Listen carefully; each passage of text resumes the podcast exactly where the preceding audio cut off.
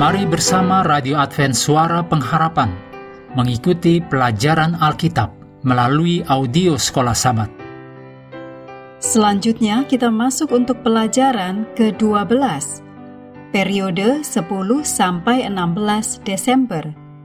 Judulnya Pandangan Dunia Alkitabiah.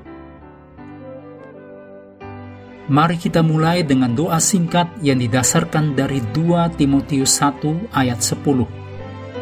Kedatangan juru selamat kita, Yesus Kristus, telah mematahkan kuasa maut dan mendatangkan hidup yang tidak dapat binasa. Amin.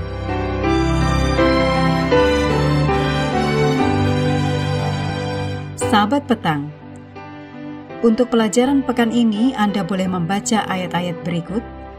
Lukas 2 ayat 52, Matius 4 ayat 23, 1 Korintus 6 ayat 19 dan 20, Mazmur 24 ayat 3 dan 4, Kisah 8 ayat 4 sampai 24, dan 1 Yohanes 3 ayat 1 sampai 3.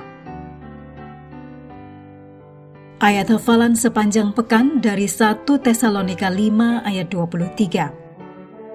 Semoga Allah damai sejahtera menguduskan kamu seluruhnya, dan semoga roh, jiwa, dan tubuhmu terpelihara sempurna dengan tak bercacat pada kedatangan Yesus Kristus, Tuhan kita.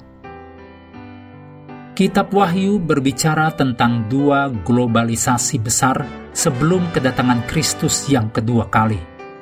Kitab Wahyu pasal 13 menjelaskan kesalahan yang mendunia ketika seluruh dunia akan kagum dan mengikuti binatang dari laut. Demikian ditulis dalam Wahyu 13 ayat 3, 7, 8, 12, dan 16. Wahyu pasal 14 menyoroti kebenaran yang mendunia pada saat Injil yang kekal akan diberitakan kepada semua bangsa dan suku dan bahasa dan kaum. Ditulis dalam Wahyu 14 ayat 6 dan 7.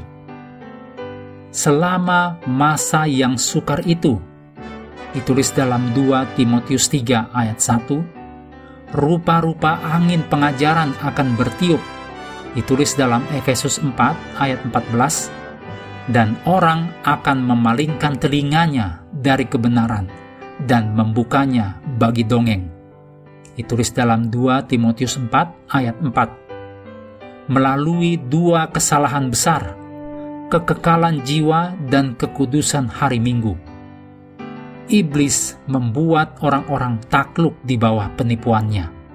Sementara yang pertama yaitu kekekalan jiwa, meletakkan dasar spiritisme.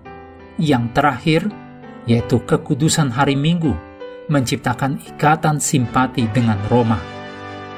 Demikian kutipan dari Ellen G. White, Alpha dan Omega, jilid 8, halaman 617. Sampai peristiwa terakhir ini diungkapkan, kita harus tetap teguh dalam keyakinan kita pada semua kebenaran yang kita miliki, yang mencakup alamiahnya kemanusiaan dan kematian. Ketika kita berusaha untuk dibimbing oleh Roh Kudus dengan tujuan disiapkan bagi kemuliaan kedatangan Kristus.